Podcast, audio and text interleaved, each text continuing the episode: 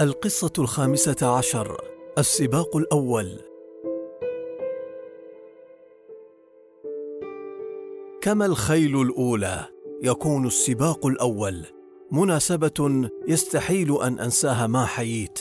ولحظات إثارة وترقب ما زلت أشعر بها كلما تذكرتها. إنها اللحظات الأولى دائما. تبقى معنا. لا تذهب. الخيل الأولى السباق الأول الحب الأول. هي لحظات تبقى محفورة للأبد. انتشرت أخبار التحدي الذي أعلنه والدي في كافة الأرجاء. جهز الشيخ مكتوم العودة المهرة القادمة من سلالة وثن. وكان الشيخ حمدان يعمل مع الفرس حمدانية. أما أنا فكنت سعيدا مع فرسي أم حلق.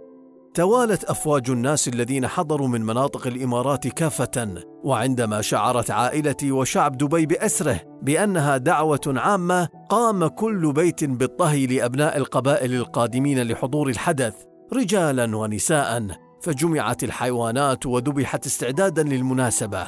وكانت النساء قد أعددن العطور منذ أسابيع ليتطيب بها الضيوف بعد تناول الطعام. وكان الرجال الذين يقرضون الشعر يحضرون قصائدهم ويتمرنون على إلقائها ويقومون بتشذيبها في المجلس لتقرأ على مسامع الزوار الشيوخ.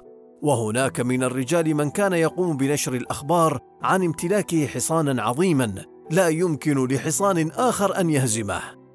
أمر والدي بتسوية طريق بطول كيلومترين على شاطئ جميرة وقام متنافسو الإمارات المجاورة بنصب خيمهم على الشاطئ. وخيموا هناك مع خيولهم حيث وضعت الأعلام عند خطي البداية والنهاية وبذلنا ما في وسعنا لتزيين المشهد بإمكاناتنا القليلة بيد أن الناس هم الذين تولوا إعداد معظم الزينة بأنفسهم وكانت أجواء الترقب مثيرة جدا أما الحماسة التي اشتعلت قبل السباق فستعيش معي حتى آخر يوم في حياتي.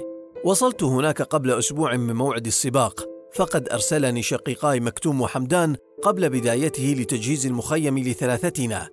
في تلك الليلة قطعت الطريق الضيقة التي يبلغ طولها كيلومترين على قدمي وأنا أقود فرسي بحبل وأحدثها عن السباق الذي ينتظرنا.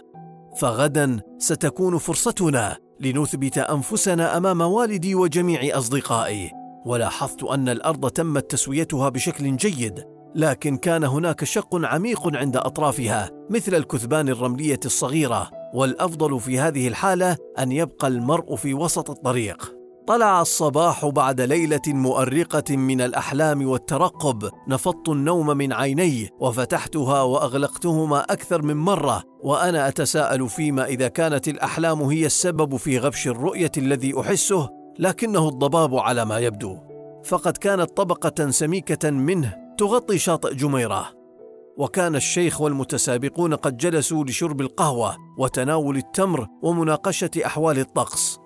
سحبت الكندورة التي قصرتها وارتديتها على عجل وتوضأت وصليت ثم سارعت إلى فرسي لأغسل ضمادتها وأطعمها قبل ذهابي لسماع الأخبار. أنجزت كل شيء وركضت لأجلس عند قدمي والدي وأعطاني أحد أصدقائه خبزا وقهوة. وها هو السباق على وشك أن يبدأ.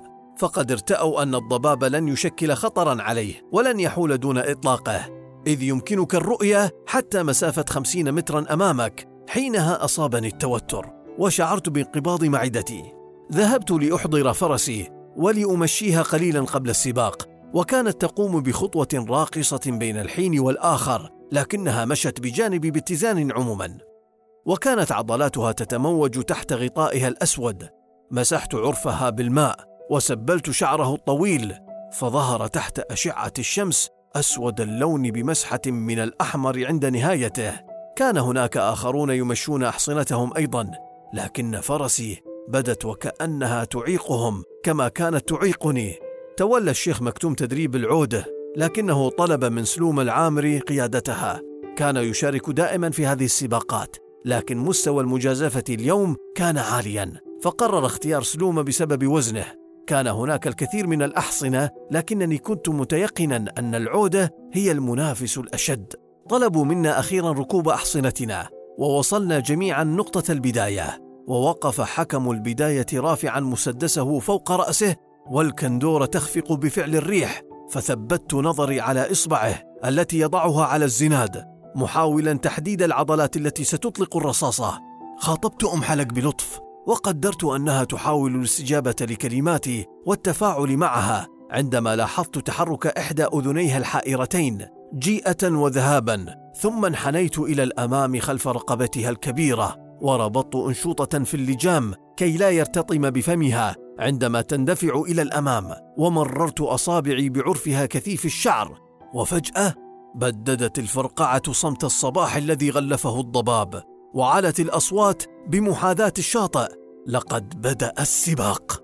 انحبست أنفاسي عندما انطلقت أم حلق بقوة هائلة أدهشتني فثبت نفسي على ظهرها الأملس لأنني كنت أسابق من دون سرج وكانت الأحصنة من حولي تندفع إلى الأمام مثل موجة مد وجزر مهولة وامتلأ الشاطئ بصيحات الفرسان والهتافات لم يتطلب الأمر سوى اجتياز 200 متر تقريبا ليستقر السباق على نمط معين حيث تقدم علي سلومه ممتطيا العودة وبدا كالشبح في الضباب قبل أن يختفي بعيدا. كان يتوق إلى إحراز مركز متقدم منذ البداية. وها هو يجد في الضباب غطاء يحميه.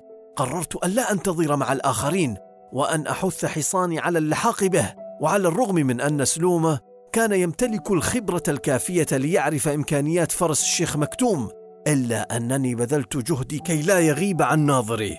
استعجلت أم حلق بقدمي فغمرتني الفرحة وامتلأ قلبي بالفخر وأنا أرى استجابتها وإصرارها على تخطي العوده فهل هناك أروع من أن تطلب من حصان وتراه يبذل قصارى جهده وبمحض اختياره كي لا يخذلك؟ كان سلومه قد تقدم علي بخمس خطوات. وساعدني الضباب في تقليص المسافة بيننا ولكن من دون تهديد مركزه بالطريقة نفسها التي ساعده فيها على المحافظة على هذه المسافة. لا بد أنه شعر بشيء من فرسه لأن صوت الحوافر والهتافات المصاحبة لتلاطم أمواج البحر يمكن أن يبتلع أي صوت آخر من حولنا. فخطف نظرة إلى الوراء ليفاجأ بي ممسكا بزمام أم حلاق التي غدا رأسها قريبا من خاصرة العوده وهي تلتقط أنفاسها اللاهثة المتلاحقة من فتحتي أنفها الحمراوين كلون الدم. كان لهذا المشهد وقع الصاعقة عليه كما تبدى لي. فعضضت على لساني بشدة لأقمع ضحكة مجلجلة اجتاحتني فور أن رأيته على هذه الصورة. كان يفضل الجانب الأيمن من الطريق وعندما رآني أحاول تجاوزه راح يميل باتجاه دافعا إياي نحو الرمال العميقة. فشاهدت الراية في اللحظة التي لم يعد فيها متسع من الوقت للالتفاف ولم يكن أمامي سوى السير إلى الأمام بصعوبة. على الرغم من ذلك حثثت ام حلق لتعطيني كل ما لديها من قوة ولم تبخل علي بذلك ابدا. فعوضت مسافة القفزتين التي تقدم بها سلوم علي وهي تعدو بتخبط في الرمال العميقة. وشعرت أن قلبي قفز خارج جسدي عندما وجدتني أحاذيه كتفا بكتف. لكن العودة سبقتنا بخطوة واحدة خلال تمايل رؤوس الأحصنة وتبعني الشيخ حمدان في المركز الثالث. يا له من فوز لاسطبلات والدي. لقد سيطرنا على جدول النتائج. شعرت بإحساس ملوكي حين جاء شقيقاي الكبيران لتهنئتي ودار أصدقاء والدي حول ام حلق وأثنوا عليها وأنا أمشي إلى جوارها فحرصت على تهنئتها بدوري حتى شعرت بالخدر يصيب يدي وابتسم والدي وهو يخاطبني. أحسنت يا محمد أحسنت. فتمنيت أن تدوم هذه اللحظة إلى الأبد. وفي تلك الأمسية خلال الاحتفالات جلست أنا والشيخ مكتوم والشيخ حمدان حول النار وكان رفقة كل منهما عدد من الرجال مع خيولهم وكان من المتفق عليه أن أم حلق أثبتت جدارتها حتى اللحظة الأخيرة. وتحدث الرجال عن الموقف الذي حدث قبل الوصول إلى راية النهاية. وقالوا إنني لو لم أعلق في الرمال العميقة لكنت تخطيت العوده وكانوا محقين في ذلك ولم يلمني أحد. وكان الجميع فخورين بما أنجزته في سباق الأول. قد أكون شعرت ببعض الضيق الافتقار للمعرفة الكافية. إلا أن هذا لم يقلل من شعوري بالزهو عندما قرر الشيخ حمدان إضافة فرسي إلى مجموعته. من كان يتخيل أن الشقيق الأكبر الذي أوقره سيبدي رغبته باقتناء فرس أعددتها بنفسي؟ في تلك الليلة نهضت بعد أن نام إخوتي واتجهت نحو فرسي فبسطت ساقيها وغمرتهما في الرمل ورفعت رأسها وصهلت عند اقترابي منها كأنها تحييني بهدوء. وقفت أمامها وتأملت النجمة البيضاء التي تمددت بخطوطها الرفيعة على وجهها الأسود ولمست بأصابعي لفة الشعر على منتصف جبينها وتنفست بعمق ثم انحنيت لأقبل أذنها المشقوقة وجلست بالقرب من بطنها لأخبرها أنها ستكون مع حمدان فهذا ما تعلمناه في الصحراء. طاعة الكبار أهم من كل شيء ويشرفني أنه يريدها إلا أن ذلك لم يمنع قلبي من الشعور بالانكسار. العلاقة التي تربطك مع خيلك قد تكون قوية وعظيمة ولكن علاقة الأخوة أقوى وأعظم. أعطيت فرسي سعيدا لأخي الشيخ حمدان الذي طلبها ليضمها إلى مجموعته وأعطاني هو الحرية الكاملة.